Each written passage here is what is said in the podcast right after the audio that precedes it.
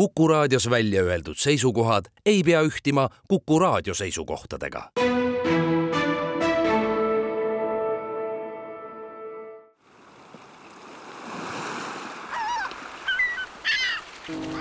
meretund.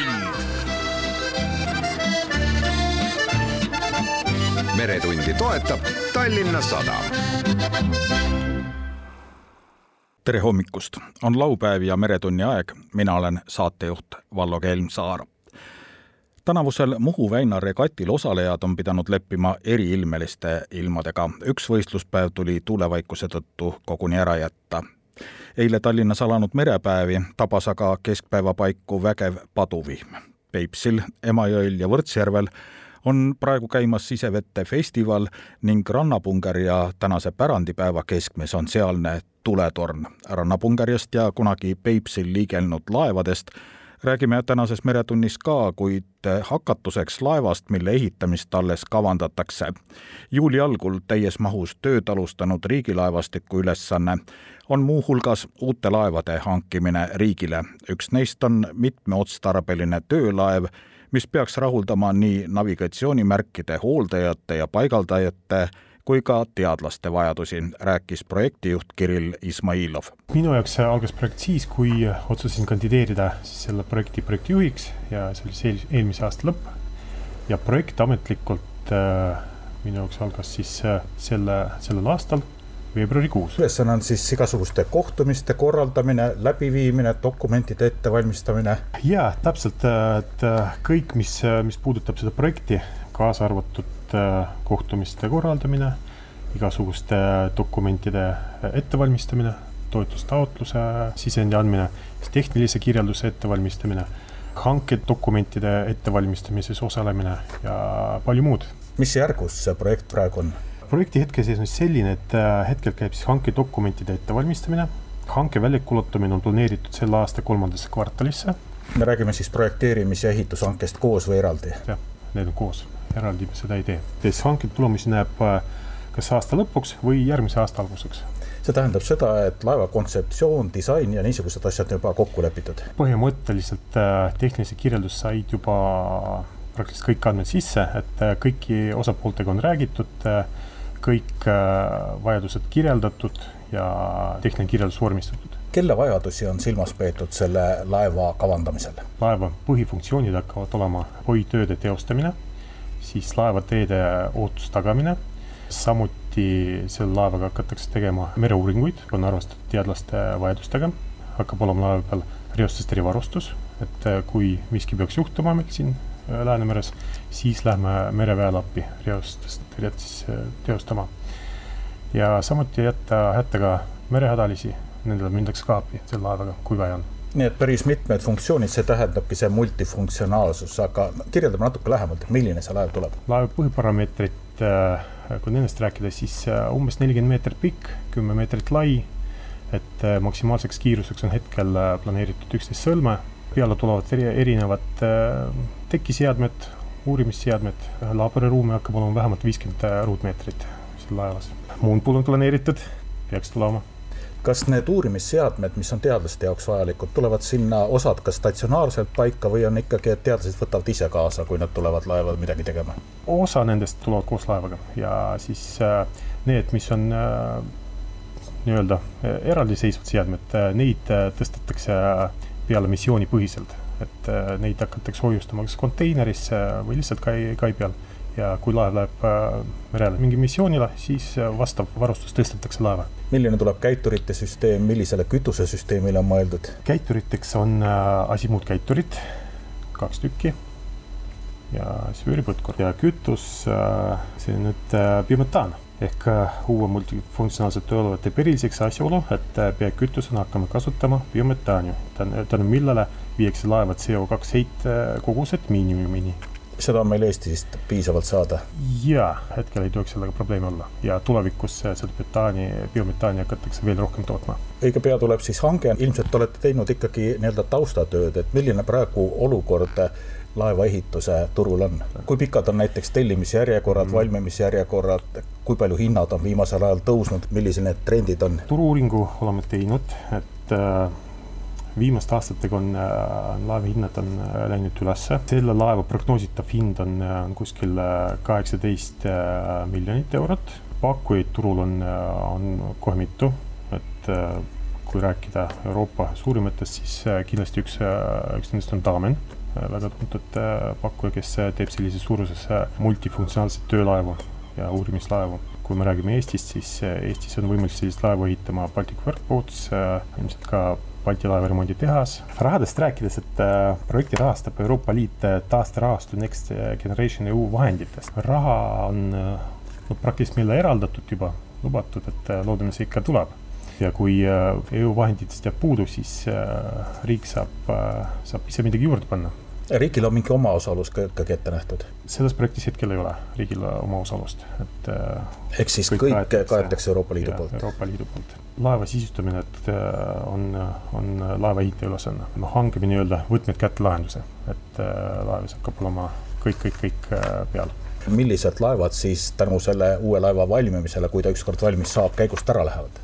see uus multifunktsionaalne laev vahetab välja Soomest tähteliselt prahitud puilaeva sektori millega Transpordiamet ja enne seda Veeteede Amet on teinud oma poitööd merel?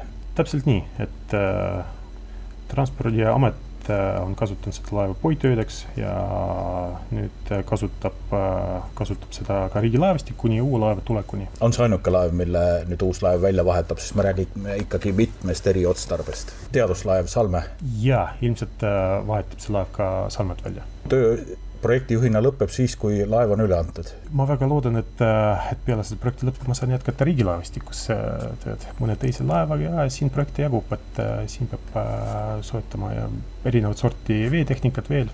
Kindlasti oskan, oskan sinna panustada ka. mina töötan riigilaevastikus arendusosakonnas, osakonnas on, peale mind on veel spetsialiste, on näiteks parvlaeva ehituse projektijuht ja navalarhitekt kes äh, aitab meid igasuguste kalkulatsioonidega ja projektidega ja rohkem meid seal ei ole hetkel kui te seda multifunktsionaalse töölaeva disaini või kontseptsiooni ette valmistasite, siis milliste osapooltega te koostööd tegite?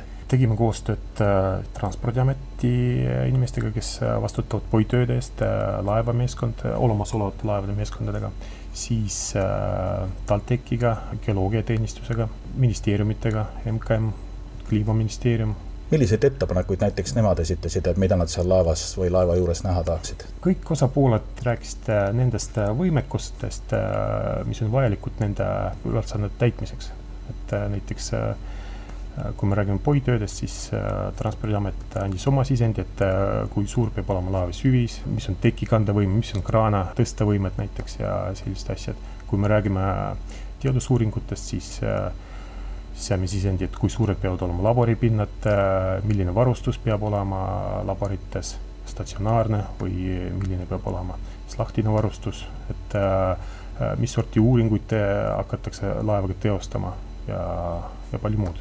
oli seal mingeid vastuolusid ka näiteks, et üks pool tahtis midagi sellist, mida võib-olla teise poole jaoks ei olnud üldse vaja või mida on raske kokku sobitada? jaa, et multifunktsionaalne töölaev, et väga raske on, on ühte laeva kompileerida nii palju erinevaid äh, võimekusi nagu tahetakse, et kindlasti oleks võinud äh, laevas olla rohkem labori äh, pinnaruumi, aga noh, laeva suurus lihtsalt ei võimalda seda näiteks. aga üldiselt suuri vastuolusid ei olnud. Korraga mitu funktsiooni täita ei saa, tõesti, kui, kui meil on laevatekki paigaldatud või tõstetud poidikomplektid ehk poigeit ankur siis äh, tekib jälle enam ei ole ruumi teadusuuringute seadmete jaoks. korraga siis äh, erinevaid töid teha ei saa. kui suure mahutavusega just inimeste mõttes on arvestatud, sest teadlased võib-olla mõnikord tahavad suuremate gruppidega välja minna ja nii edasi? kui me räägime laeva mahutavusest, siis äh, tavameeskond hakkab olema kuus, kes on võimelised tegema siis poitööd ja kui äh, äh, minnakse tegema teadustööd äh, merele, siis äh, teadlaste arv laevas võib olla kuni kümme ehk kuus pluss kümme, siis kokku kuusteist inimest, nende jaoks on kajutikohad olemas. täpselt nii, vähemalt kuusteist koigukohta peab olema tagatud laevas. millised mugavused äh, laevas viibijatele on mõeldud? standardsed mugavused ehk kajutid, voodid, äh, mess, kus saab äh, süüa puhata, televiisorit vaadata, tuleb ka väike, väike saun ja väike jõusaal. kindlasti internet, see on juba tavaline asi laevades, et see kindlasti hakkab olema ja lõpetuseks mainime veel kord, et äh, millal laev valmis peaks saama praeguste plaanide järgi, kui mingeid takistusi ei tule? laev äh, peaks olema meile üle antud siis äh, aastalt kaks tuhat kakskümmend kuus ja teise kvartali lõpuks ja sellest tähtajast ei saa üle minna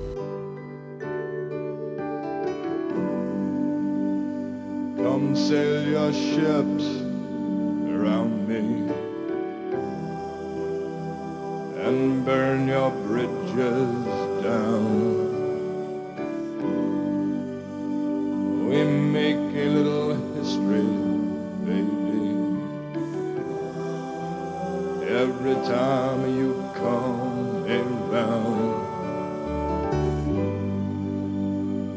Come loose your dogs upon me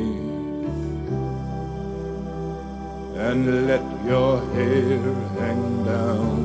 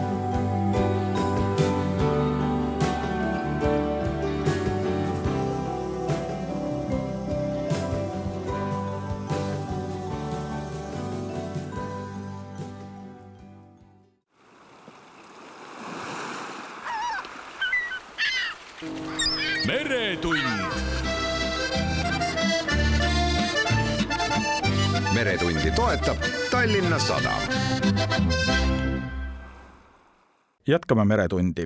MTÜ Tuletorn koostöös Keskkonnaametiga korraldab täna rannapungerjal pärandipäeva, mille keskmes on sealne tuletorn, paigavaimu sümbol. pärandipäev algab kell üksteist Pärnaõue talus välinäituse avamisega Pärnu-Õue talu perenaine Pille Põld, selleks, et just nüüd sel aastal olete tuletorni pärandipäeva keskmesse valinud, põhjust ei ole vaja kaugelt otsida, teie tuletornil on aastapäev ja see on sajas, aga kui mõelda selle näituse peale, mida te ka avate, siis kui kaugelt tuli näituse jaoks materjale otsida? no selle näitusega on omad seiklused, et, et nagu alati, eks plaanid on väga suured ja, ja välja kipub kukkuma nagu teistmoodi või elu teeb korrektuuri tegurid. nii et eh, meie näitusel on kaasatud nüüd päris erinevaid osi, osad, osad jäid eh, nüüd eh, kajastamata. oluline osa on laste ja noorte joonistuskonkursi töödel, võidutööd on eksponeeritud Rannapunger ja bussipaviljonides. ülejäänud tööd on meil Saras väljas koos saja aasta jooksul tehtud Eesti tuntud kunstnike töödega, mis siis on siis on koopiate näol esindatud.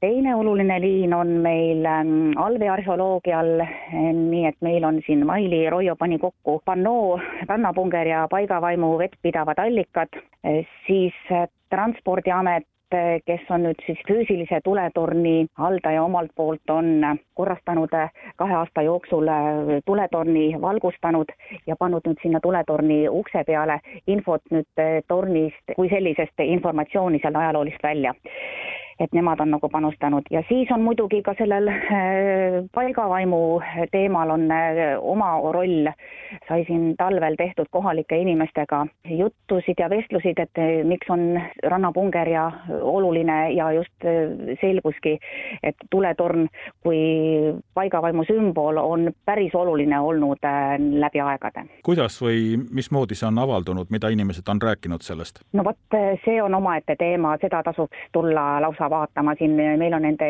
inimeste meenutused ja need ütlemised on, on eraldi täitsa välja toodud, siin osad inimesed on meie hulgast juba lahkunud, aga nendega on noh, ka varem juba vesteldud siin ütleme, olulistest inimesed, kes on lausa kujundanud, ma lausa julgeks öelda, kohalikku paigavaimu. väga mulle, võib-olla ma nüüd sõna, sõnalt ei suuda nagu öelda, kuid kõige nagu Äh, eredamalt mulle jäi nagu meelde minu mehe venna poeg, kes täna ise ei elagi enam Eestis, ta elab Soomes, kuid tema lapsepõlv oli siin ja kui ta hakkas nagu rääkima, ma küsisin, et kas sa võiksid veidikese rääkida, et kuidas sina selle kohaga oled nagu seotud, et kas see on sulle oluline, siis alguses oli pikk-pikk vaikus ja siis ta ütles, et äh, mul on väga hea meel, et äh, minu kodu, koht, isa kodu on alles et paljudel minu sõpradel on kodud müüdud, et mul on alati koht, kuhu tagasi tulla, isegi praegu võtab mul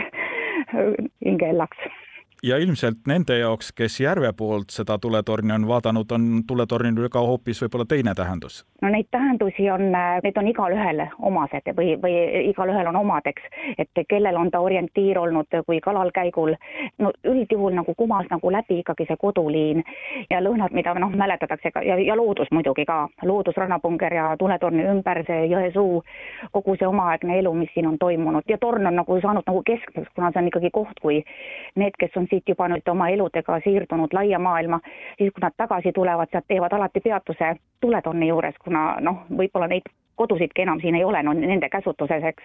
millises korras see tuletorn on püsinud äh, need üheksakümmend aastat, kui me tuletornist räägime, sest algselt oli tulepaak, see oli puidust ja sellest enam jälgi ei ole? no pildimaterjali pealt ikka saab kaeda, milline, milline see ehitis kunagi välja nägi, aga aga see juba, et see omaaegne puidust äh, tulepaak äh, ehitati, vahetati, asendati betoonist rajatise vastu, see on ju ka märk sellest, et järelikult oli, oli vajadust sellise sellise navigatsioonimärgi järele, et no siis, siis ei olnud ju neid moodsaid lahendusi, mida me võib-olla tänapäeval kasutame. Aga noh, meie pere jaoks on tuletornil ikkagi ka väga suur roll olnud, et minu ämm oli ju nüüd lausa viimane majakavaht ja ka tuleb muuseas meie pärandipäevale ja tema ämm omakorda oli teine majakavaht, nii et see on olnud ka ütleme, töökoht ja ikkagi oluline koht ka argipäevases elus. kas rannapunger ja tuletorn on olnud avatud tuletorn ka nüüd viimastel aastatel? Eh, vot ta on selles mõttes, ta ei ole nii atraktiivne ja nii uhke, kui on siin võib-olla, millest räägitakse, et eh, kuhu ta saab nagu sisse ronida, et meie jah, eh, mina ja minu lapsed, kui meie vanaema oli majakavahtis, meie kui tegime seda nii-öelda majakavahi tööd, siis me käisime, panime õhtuti seda tuld füüsiliselt põlema, siis muidugi me ronisime sealt kitsast trepist üles, ta on võrreldes nende suuremate, ehk et ta ei ole avatud laiemale üldsusele, aga meie oleme seal ikkagi üles roninud ja oma õhtuid veetnud, ütleme. jah, võib-olla mere ääres asuvate suuremate tuletornidega võrreldes on ta ju pisikene, et kõrgust vist kõigest seitse meetrit. kuidas te nüüd pärandipäeva tähistate või seda tuletorni aastapäeva, teil on ka seal ettekannetega koosolek kavas? see pärandipäeva mõte tuli üldse, kui, kui tuvastasime, et või julgesime väita, et meil on oluline sündmus sada aastat tulemas, see oli siis, kui koroonaaeg oli. ma juhuslikult sattusin materjalide peale, et tegelikult teati, et see või noh, sellest puidust, sellest nagu ei olnud väga palju räägi-, poolt üldse räägitud. ja, ja siis oli nii, et ma tuvastasin, et see betoonrajatise aasta oli, varem oli kolmkümmend seitse, oli liikvel ja siis kuidagi jõudsin selle tuletorni raamatu kaudu, et on, on olnud, et see puidust ja siis ma nagu julgesin just Jaan Valiga võtsin ühendust, ma ütlesin, kuulge Jaan, et mul on selline tunne, et, et kas me julgeksime tähistada nüüd Rannapunger ja tuletorni sajast aastapäeva, et noh, järjepidevuse mõttes, et et mida teie arvate kui selle kitsa valdkonna kitsa spetsialist? Ja ta ütles jaa, et teil võib sellel asjal võib jumet olla, no ja siis hakkaski see asi välja kooruma, et hakkasin juba, võtsin ühendustki, vot Jaaniga sai ühendust võetud, siis ma sain merekeele nõukojast, sain kontaktid, kes andis nagu mõtteid ja inimesi, kellega võiks nüüd vot seminari kokku panna just, et seal Peedu Sammalsoo, tema laevaliiklusest Peipsi rannapunger ja piirkonnast, siis samuti tuleb meile Mairolt Vaik, meremees ja merekeele nõukogu nõukogu liige räägib merekeele nõukoja panusest ja vastutusest emakeele hoidmisel. ja, ja ka Pannoo eh, teema autor Maili Roju Omedust pärit eh, tuleb, räägib nüüd eh, arheoloogilistest leidudest, mis on siin, ulatuvad pea kümne tuhande aasta kaugusele, nii et, et siin on, mida kuulata ja, ja kui ei satu selle loengu ajal, siis on ka Pannoolt lugeda. ja kõige toredam või, või ma ei oskagi öelda, kas kurv või korvem, et, et meil pidi ju osalema Roman Matkikevitš, Eesti Meremuuseumi kunstnik, marinist, tuletornide roost markidel pajatama, et tema on nagu seda liini ajanud ja, ja eelmisel nädalal tuli Meremuuseumist uudis, et Roman on avamerel ja purjetab.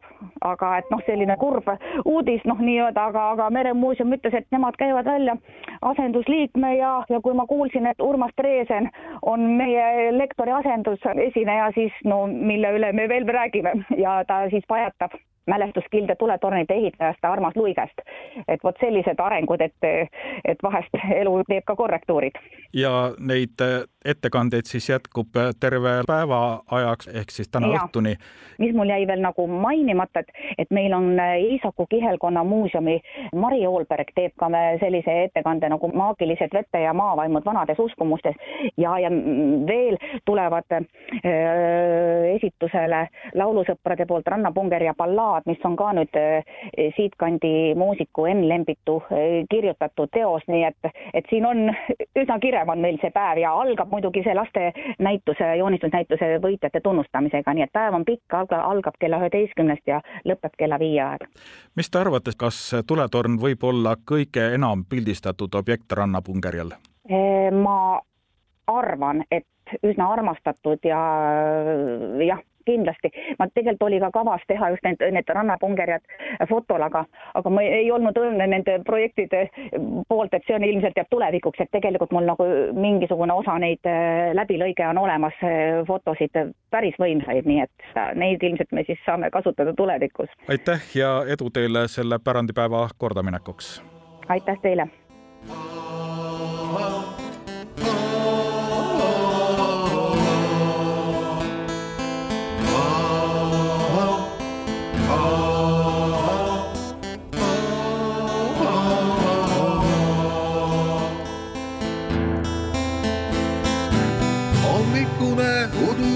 Järve rannal, katnud kaunis sillerdava vee. kõrged männid, mille all on mustikmarjad, katnud sambla rohelise tee. väike on me küla, rahvast vähe aga siin me puhtas õhus elame. See on meie elupaik ja siit ei lähe naljalt keegi ära kaugele.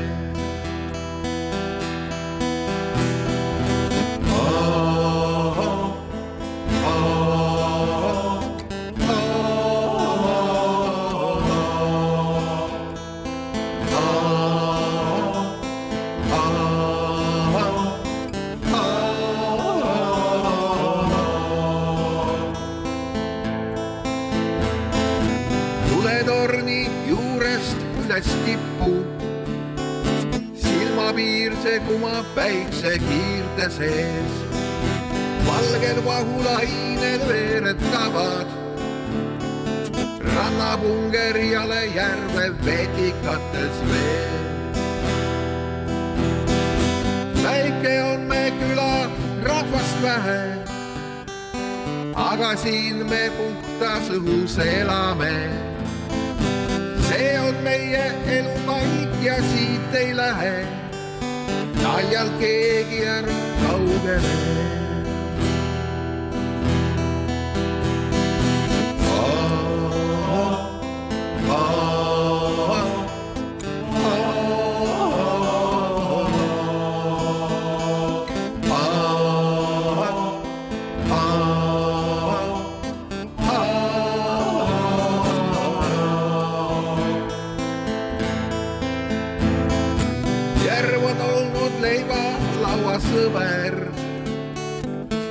Lapsepõlvest meeles suitsu kalamaik. rääbiseid sai süüa, kuivatada. kuhu kadunud need rohked kalasaagid kõik?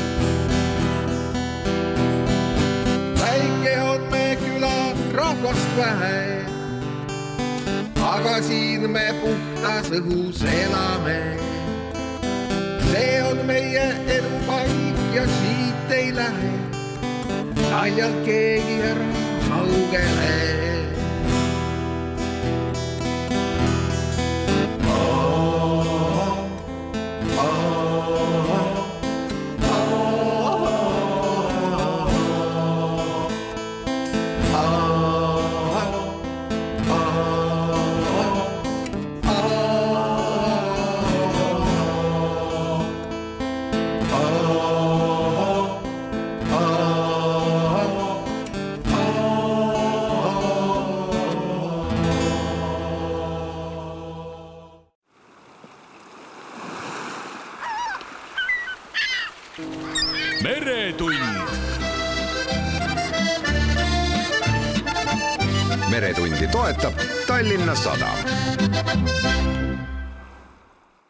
Meretund jätkub ja nüüd on minu vestluskaaslane Peipsi laevaliiklust uurinud Peedu Sammalsoo. ega siis laevad ei ole ainult mere peal.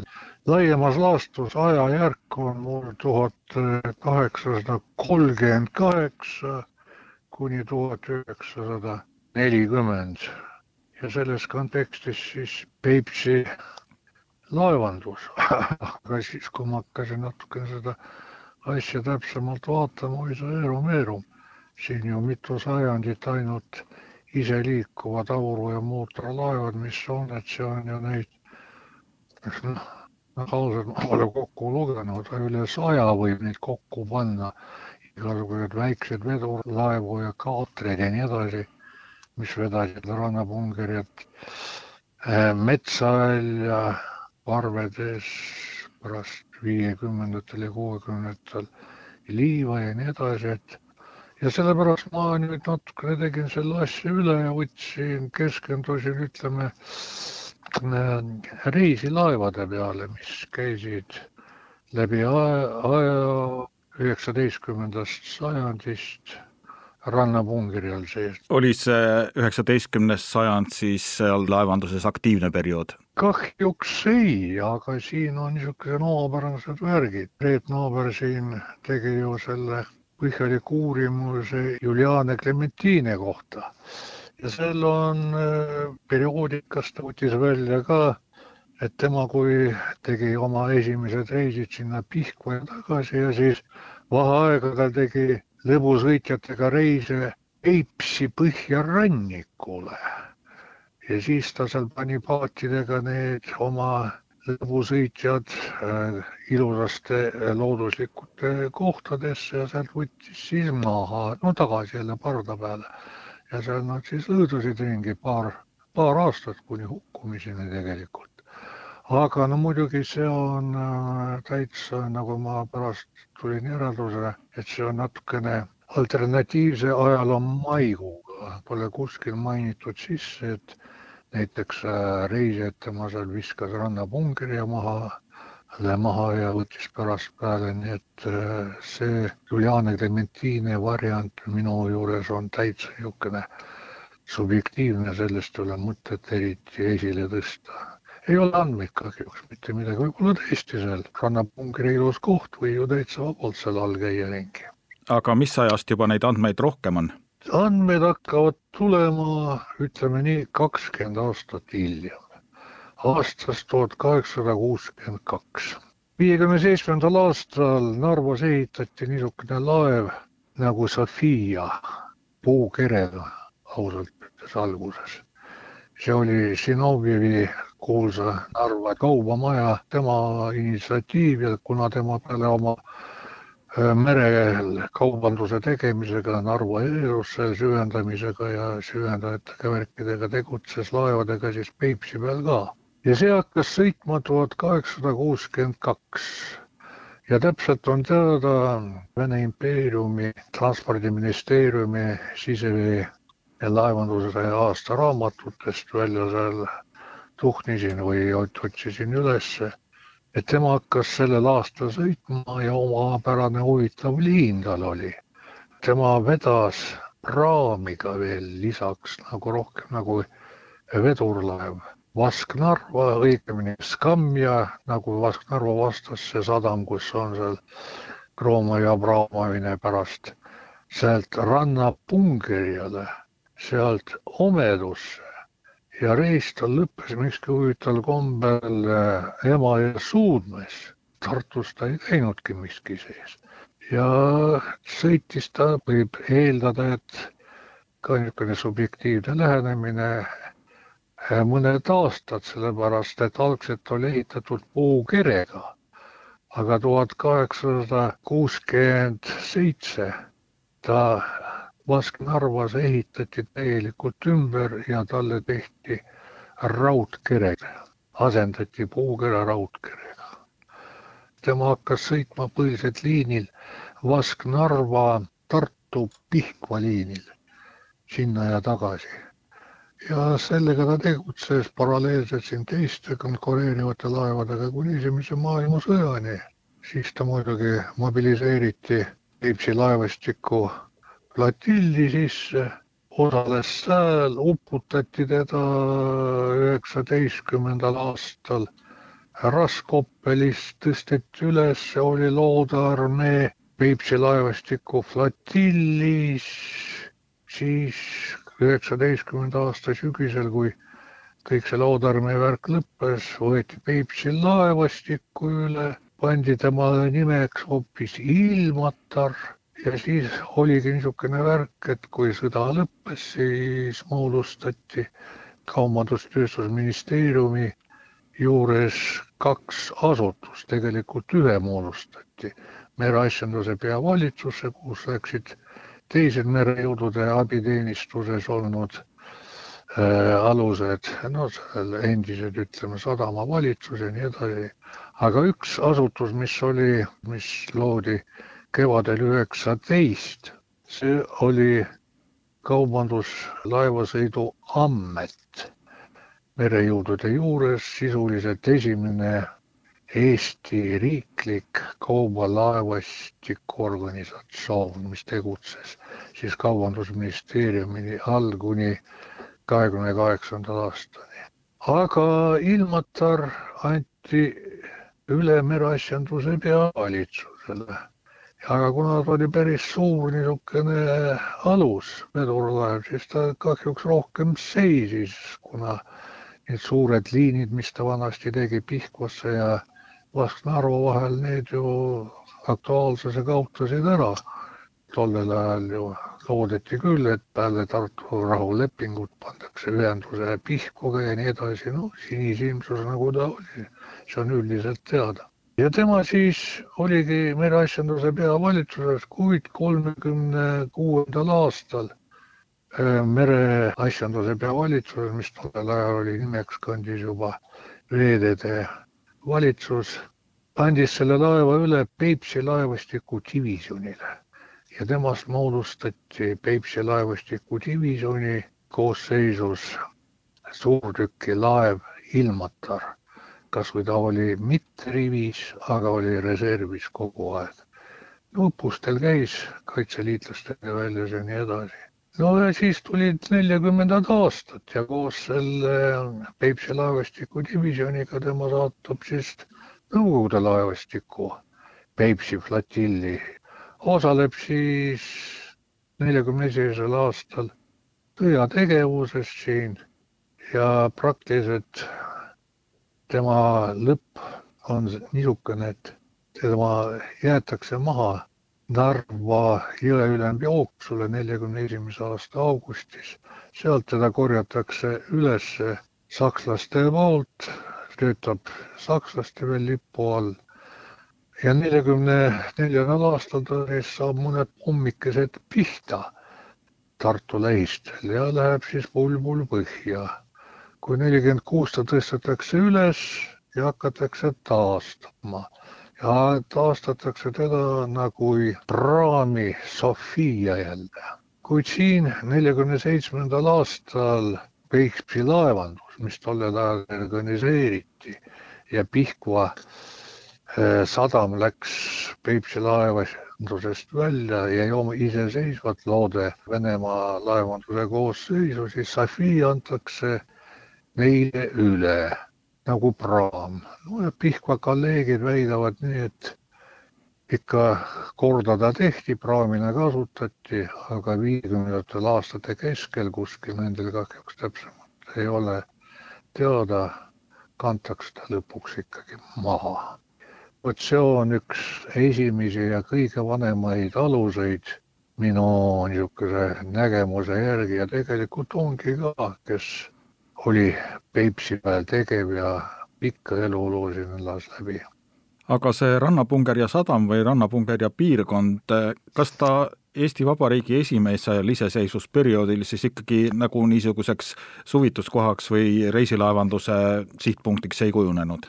ei kujunenud, tema jäi harilikuks läbisõidukohaks, kus laevad lihtsalt peatusid, osaliselt käisid sees no näiteks on teada, et äh, kaheksandal aastal hakkas sõitma selle liini vahet niisugune ühe suurema Peipsi laevakompanii, mis algselt oli Liivimaa aurulaeva selts, pärast üheksateistkümnendal aastal ta muutus Tartu aurulaeva seltsiks, oli Hansa ehitatud Riias laev tema käis sealt läbi, noh, tema ka pikk elulugu siin, jälle sõjad, ümbernimetused ja lõpp on tal ka niisugune omapärane. lõpeb sellega, et on Saksa äh, Peipsi laevastiku flotillis neljakümne neljandal aastal kannab nime Baltenlandi uputatakse. üheksandal aastal hakkab sõitma Gromov ja Abramovi laev, mis on Riias ehitatud, kelle nimi oli Pobeda, kahekümne viiendast aastast kandis nime Võitja, kolmkümmend kaheksa oli ta Narova. Ja tema hakkas sõitma üheksandal aastal kohe, kui ta Vasknarvasse, õigemini Skamminasse sinna Kromovi Abramovi sadamasse jõudis ja tema niisugune omapärane kolmnurk oli. Peale seda, et ta sõitis Narva jõe ülemjooksu Kolgust kuni Vask-Narvani. ta sõitis Vask-Narva, Oudova, Mustvee ja jälle Vask-Narva, nii et tema ka on seotud rannapungirja liinidega. no ja täpselt samuti jälle esimene maailmasõda, teine maailmasõda ja nii edasi. Mul on tegelikult siin neid laevu veel terve hunnik, siinkohas Eesti ajal need laevad sõitsid mis anti üle Veeteede Ametile sellele esimese laevandusele, aga kuna tegutseti ju põhiliselt mere peal see kahekümne kaheksanda aastani, need Peipsi laevad anti rendile endisele omanikule, sellesamale Tartu laeva äh, aktsiaseltsile kuna kuueteistkümnendal aastal need laevad Vene riik ostis välja ja kahekümnendal neid saadi tagasi kätte kui juba Vene riigi vara, mis läks Eesti alla. siin on üks omapärane värk veel, mille, millest ma tahan rääkida. kuuekümnendatel aastatel Tallinna turismiekskursiooni büroo hakkas korraldama läbi Peipsi laevandusel, mis tollel ajal kandis ametlikult tema tollel ajal oli Tartu äh, täitevkomitee juures oleva Tartu jõe sadam.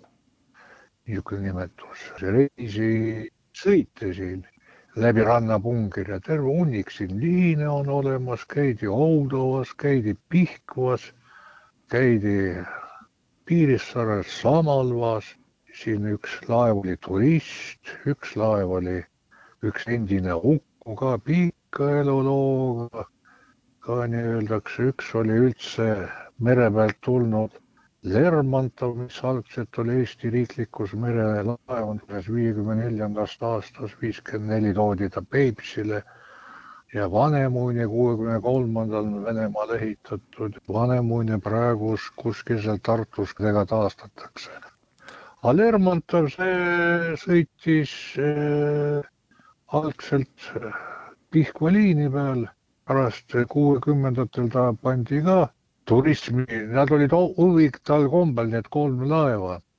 Neid ametlikult nimetati isegi laevanduse, no Tartu Jõe sadama sees hotell-turismilaevadeks. kevadel neid viidi sisse nagu hotellid, seisid Tartu jõe sadamas ja siis kuskil suvi algas pihta, rahvas hakkas lõõdama ringi juba jalutama.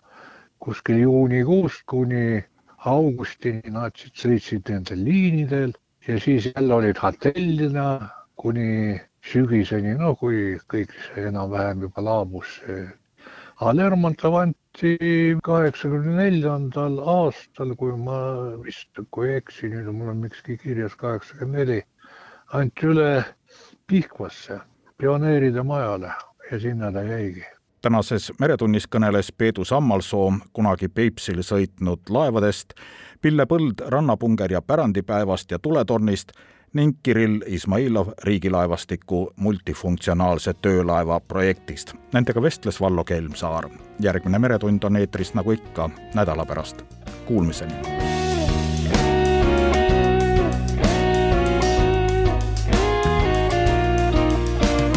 presside alleele astun järjest kindlamini. lavendliväljad sõrmetesse tantsib värske tuul, saab korraga nüüd tarkuseks, miks viivitama pidin. Ei varja paksu koore all õrn habras pelglik tuum, jääb tulemisest selja taha sõnamere piisku, sest päikesest veel enam usaldanud varju sind kõik jagatakse õigel ajal, viskamata liisku, nii lahkusin, kui kõigega ma juba harjusin. Kui kerged võivad ootamatult tunduda need sammud. pilk puhanuna kulgeb uutes õhtuvärvides. ei lähe keegi ees ja mitte keegi ei käi kannul. ehk natukene igatsust vaid tuikab närvides.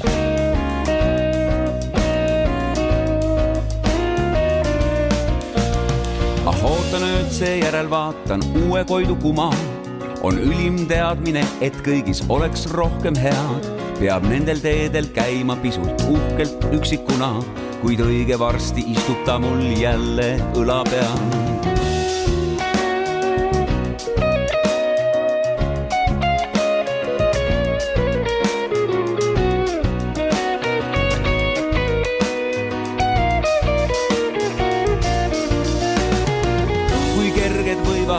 Ootamatult tunduda need sammud. pilk puhanuna kulgeb uutes õhtuvärvides. ei lähe keegi ees ja mitte keegi ei käi kannu. ehk natukene igatsust vaid tuika, kui kerged võivad ootamatult tunduda need sammud puhanuna kulgeb uutes õhtuvärvides. ei lähe keegi ees ja mitte keegi ei käi kannu. ehk natukene igatsust vaid tuikab närvides